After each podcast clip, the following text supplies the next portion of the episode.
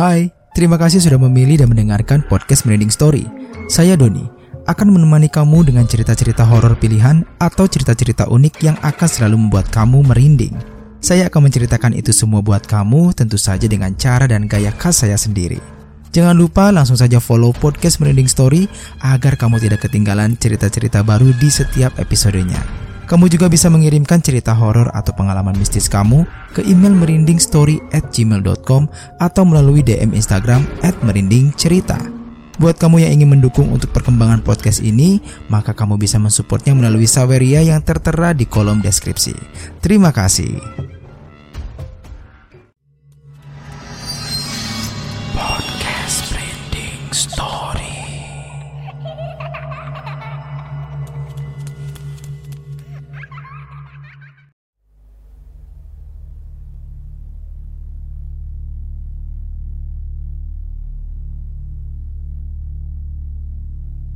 Bismillahirrahmanirrahim. Assalamualaikum warahmatullahi wabarakatuh.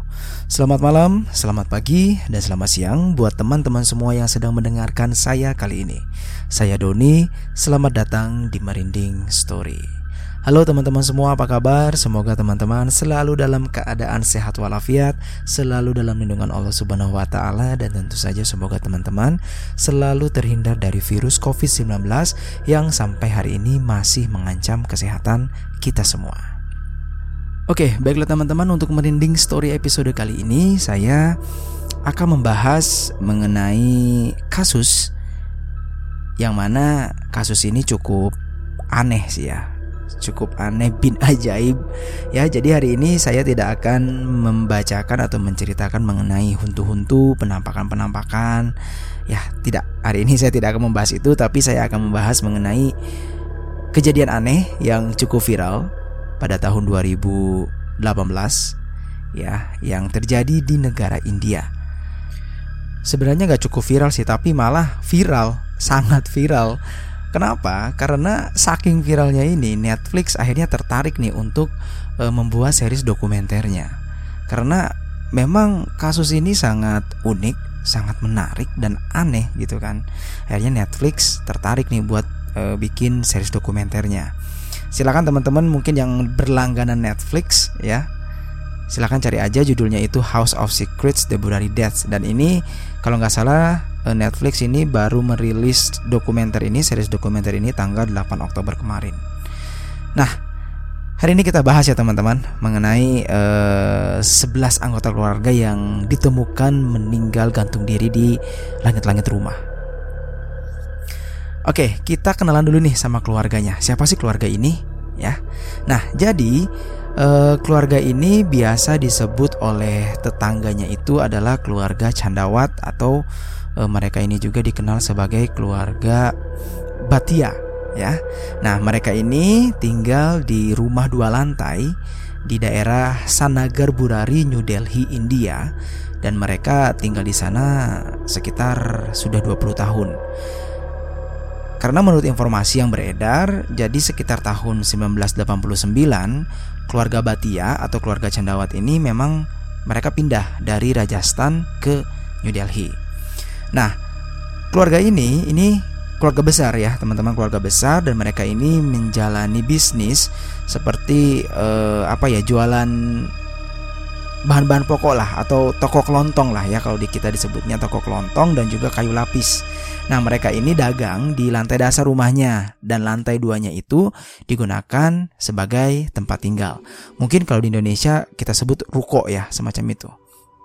Nah dan pada tanggal 1 Juli 2018, 10 anggota ini ditemukan tewas dengan kondisi tergantung dengan tangan terikat, mulut dilakban serta kepala tertutup kain. Loh, kok cuma 10? Katanya 11. Ya, 10 yang tergantung dan satu korban lainnya ini ditemukan tergeletak di ruangan lainnya dengan luka bekas cekikan. Jadi semua anggota keluarga yang ada di dalam rumah itu semuanya tewas. Tidak ada yang selamat kecuali hewan peliharaannya yaitu anjing. Anjingnya ini selamat tapi juga dengan kondisi yang sangat memprihatinkan karena pada saat ditemukan anjing ini dalam kondisi terikat dan juga pada saat dokter mengecek itu ternyata anjing ini uh, dalam kondisi demam.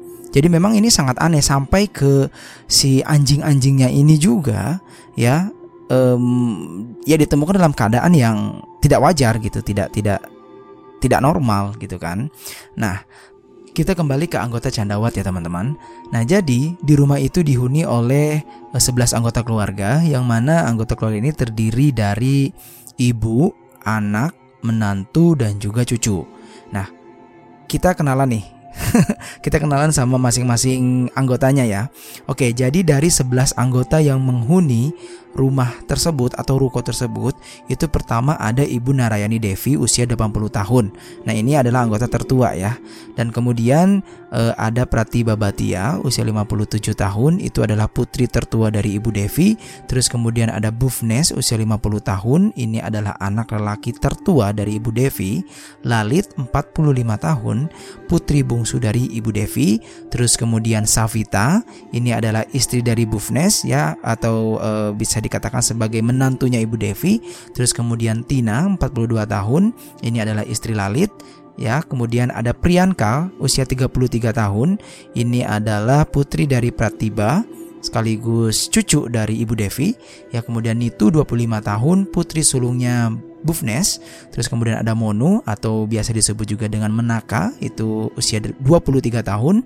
Ini adalah putri bungsu dari Bufnes dan uh, Draft ya, atau disebut dengan Dasyan usia 15 tahun, putra tunggal atau uh, anak bungsunya ibu anak bungsunya Bufnes ya dan kemudian Sivam 15 tahun anak lelaki dari Lalit. Nah, itulah 11 anggota keluarga yang ditemukan tewas di dalam rumah secara tragis ya, teman-teman. Nah, terus mungkin teman-teman bertanya nih, loh kok Ibu Devi sendirian, mana suaminya? Nah, sebenarnya Ibu Devi ini punya suami, teman-teman, tapi suaminya ini sudah meninggal tahun 2007 dan meninggalnya ini memang meninggal karena usia senja. Jadi memang tidak ada hubungannya dengan mistis, tidak ada kaitannya sama sekali dengan mistis, pure karena sakit tua. Nah, keluarga ini sebenarnya dikenalnya sebagai keluarga yang baik dan religius. Mereka pun bahkan dikenal sangat harmonis dan disukai oleh banyak orang pada saat setelah sepeninggal Bapak Gopal yaitu suami dari Ibu Devi justru banyak kejadian-kejadian aneh yang menimpa keluarga ini teman-teman. Contohnya adalah anak bungsu dari Ibu Devi yaitu Lalit. Anak ini menunjukkan perubahan-perubahan sikap pada dirinya. Nah, Lalit yang awalnya ini super periang dan aktif bersosialisasi, kini justru jadi pribadi yang pendiam dan pemurung. Karena sebelumnya Lalit ini yaitu dia itu sering eh, apa namanya tetangga-tetangga mengakui kalau Lalit ini kalau pagi-pagi suka eh, jalan gitu kan terus eh, orangnya ramah, suka menyapa tetangga. Cuman setelah sepeninggal ayahnya dia mempunyai sikap yang berubah yang cukup drastis, jadi pendiam. Terus selain itu juga ada kejadian-kejadian aneh yang dilakukan oleh Lalit, kayak berdoa di, di hadapan pohon, terus kemudian e, memberi makan hewan liar, terus juga beberapa kali katanya sempat Lalit ini mimpi didatangi oleh arwah ayahnya. Nah, sikap-sikap inilah yang e, membuat para tetangga itu sangat aneh karena nggak biasanya Lalit seperti ini. Dan anehnya lagi, Lalit ini kan anak terbungsu, anak paling bungsu di keluarga itu. Tapi setelah sepeninggal ayahnya, tiba-tiba Lalit ini menjadi sesosok orang yang dihormati oleh anggota keluarga yang lainnya. Dan akhirnya e, Lalit ini dijadikanlah pemimpin penerus sang ayah di keluarga Candawat. Karena memang pada saat itu terlihat keluarga Candawat ini seperti dalam keadaan linglung dan butuh sosok pemimpin baru. Nah, setelah keluarga tersebut dipegang oleh Lalit, ekonomi keluarga tersebut ini mulai membaik. Bahkan mereka pun bisa membuka toko baru. Nah, karena perekonomian keluarga ini semakin membaik, jadi pada tanggal 27 Juni 2018 ini mereka pun bahkan sempat mengadakan pesta besar-besaran untuk merayakan pertunangan dari Priyanka dengan pria pilihannya. Nah, jadi Priyanka ini berarti cucunya Ibu Devi ya, anaknya dari Pratiba. Nah, Priyanka ini mengadakan tunangan yang cukup besar-besaran pada saat itu. Dan tidak tanggung-tanggung bahkan keluarga ini pun berani mengeluarkan uang yang sangat banyak untuk merayakan pertunangan Priyanka. Hingga pada suatu hari di tahun yang sama sesuatu yang tragis terjadi pada keluarga ini. Nah hari itu pada tanggal 1 Juli 2018 tetangga dari keluarga Candawat ini merasa ada sesuatu yang aneh terjadi pada keluarga tersebut Nah, biasanya toko keluarga ini buka pukul 5 pagi dengan Lalit yang biasanya sering jalan-jalan pagi kan. Nah, namun pagi itu terlihat tidak ada aktivitas sama sekali dari rumah keluarga Candawa tersebut. Awalnya para tetangga ini mikir, ah mungkin keluarga itu bangunnya kesiangan gitu kan dan tidak maulah berpikir hal yang macam-macam pada saat itu awalnya. Hingga uh, sampai mungkin sekitar pukul 7 pagi, toko keluarga Candawat ini kok belum juga buka gitu kan. Nah, itu menjadi tanda tanya besar buat para tetangganya. Dan akhirnya karena melihat ada sesuatu yang aneh dengan uh, keluarga Candawat ini, salah satu dari tetangga ini berinisiatif untuk mendatangi rumah keluarga Candawat ya karena memang merasa curiga kan. Nah, kemudian tetangga salah satu tetangganya ini pun akhirnya coba nih masuk nah ke dalam rumah. Dan pada saat dia masuk, ternyata pintu utama ini, pintu utama rumahnya ini dalam keadaan tidak terkunci. Nah, pada saat tetangganya ini masuk memeriksa ya ke dalam rumah, ia malah dikagetkan dengan penemuan 10 jasad yang tergantung di langit-langit. Dan satu jasad itu tergeletak di ruangan lain tapi dengan kondisi leher yang seperti ada bekas cekikan. Nah, satu orang yang tidak tergantung itu ternyata adalah Ibu Devi, yaitu anggota keluarga tertua di keluarga Candawat. Karena ada salah seorang warga sekitar mengabadikan kejadian tersebut, akhirnya kisah ini pun viral nih di media sosial. Nah, kemudian polisi, detektif, dan orang-orang ahli pun kemudian turun tangan untuk memecahkan kasus 11 keluarga yang tewas gantung diri tersebut. Nah, awalnya polisi ini tidak bisa langsung mengatakan kalau ini adalah kasus bunuh diri massal. Sehingga pada akhirnya muncullah banyak asumsi tentang kematian 11 anggota keluarga tersebut. Nah, namun jika benar bahwa mereka ini semua dibunuh oleh seseorang, maka akan banyak sekali pelaku dari pembunuhan tersebut. Dan tidak ada sama sekali tanda-tanda orang yang melakukan kegaduhan di rumah itu. Bahkan, anehnya lagi, barang-barang di rumah tersebut itu pun masih terletak rapi pada tempatnya. Nah, dalam kasus ini, kemudian timbullah dua sudut pandang yang berbeda. Pertama, yaitu sudut pandang mistis dan kedua adalah sudut pandang psikologis. Yang pertama, saya mau bahas dulu nih soal sudut pandang mistis ya teman-teman. Nah, kenapa um, dilihat dari sudut pandang mistis? Karena dalam kasus ini ditemukan hal-hal yang sangat ganjil, hal-hal yang sangat aneh. Nah, kita ulas satu persatu ya. Yang pertama, jadi saat itu ditemukan sebuah kayu yang masih fresh Diduga ini dipakai sebagai sebuah ritual pada malam hari sebelum seluruh anggota keluarga itu meninggal dunia. Saat itu, eh, Pramod Sharma itu dari Z News melihat sesuatu yang aneh pada rumah keluarga Candawa tersebut. Ada sebuah saluran pipa air yang menempel di dinding rumah keluarga tersebut yang jumlahnya adalah 11 pipa, sama seperti jumlah keluarga tersebut yaitu 11 anggota keluarga kan. Nah, bahkan lebih parahnya lagi ini, jika kita putar 90 derajat, letak pipa-pipa tersebut seolah menggambarkan letak dari posisi jasad-jasad itu digantung. Ada lagi hal yang aneh. Pagar rumah keluarga tersebut juga berjumlah 11. Saluran air berjumlah 11. Bahkan jendela di rumah tersebut pun berjumlah 11.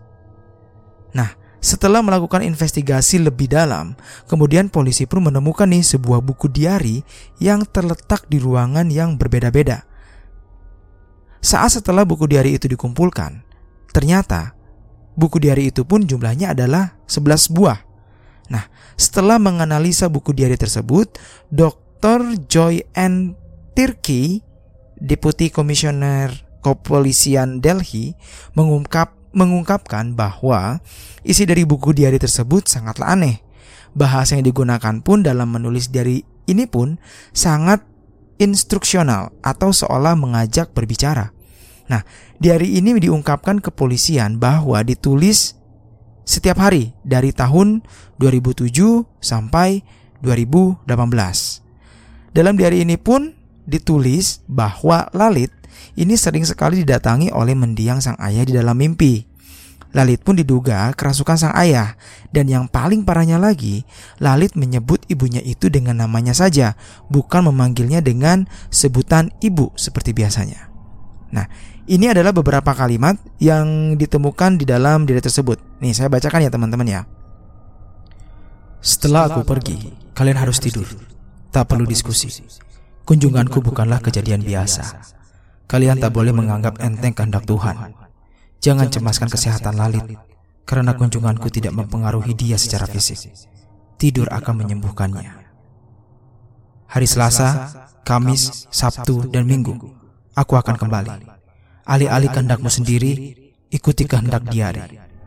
Jangan berpikir apa gunanya.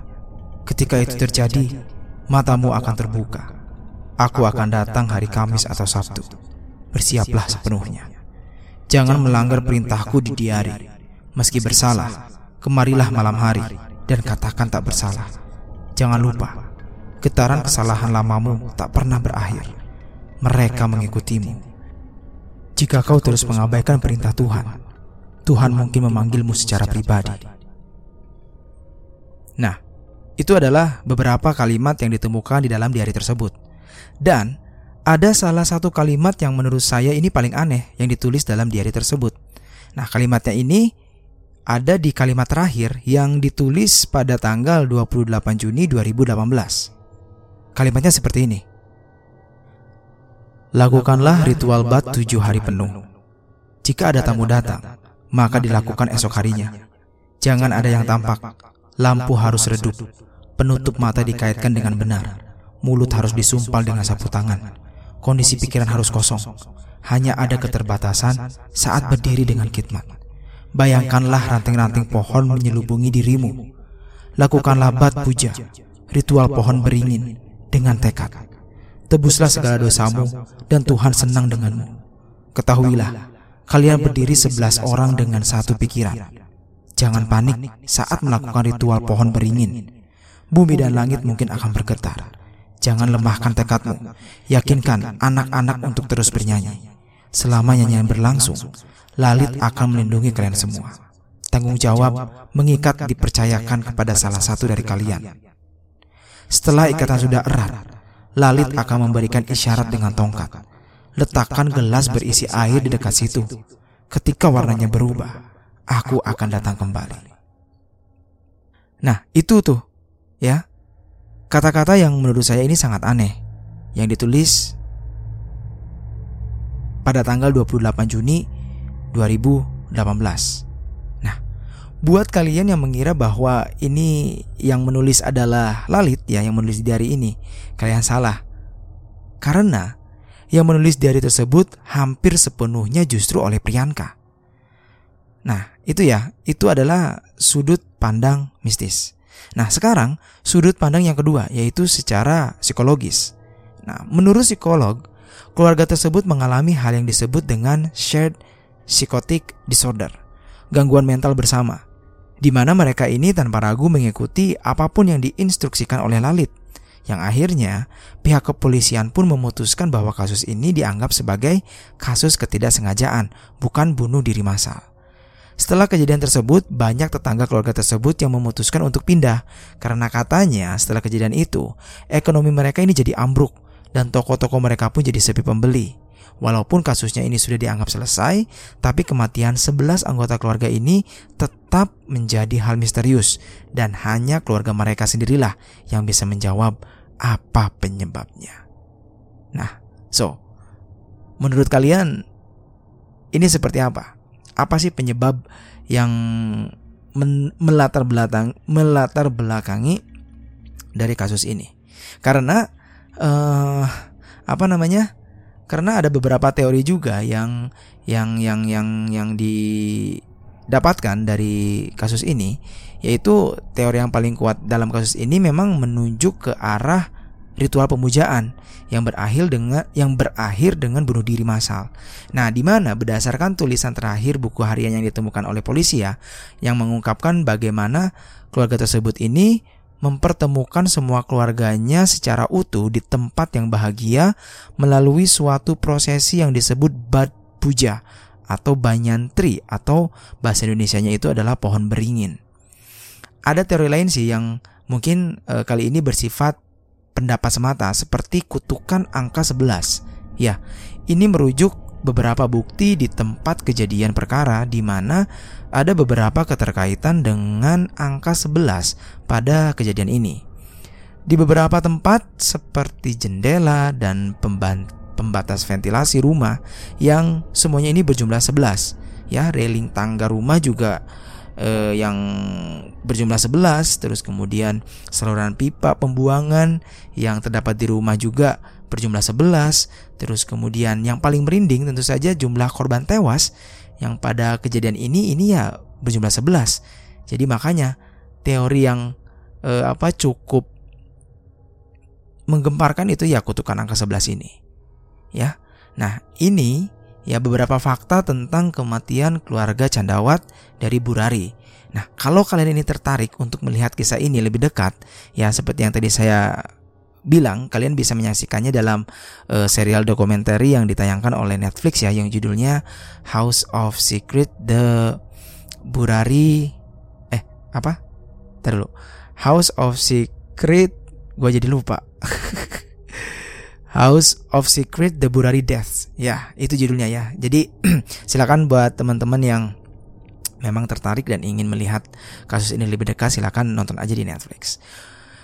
Ah, oke, okay, itu ya untuk pembahasan kita kali ini. Jadi ya cerita ini memang kasus ini memang cukup cukup aneh ya dengan adanya beberapa kejadian yang ya hampir 11-12 sama kayak orang Indonesia sih ya yang percaya akan mistis seperti itu.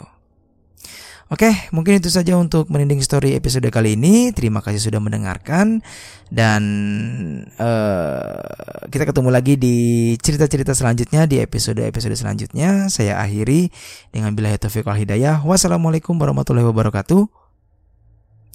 Akhir kata, salam merinding.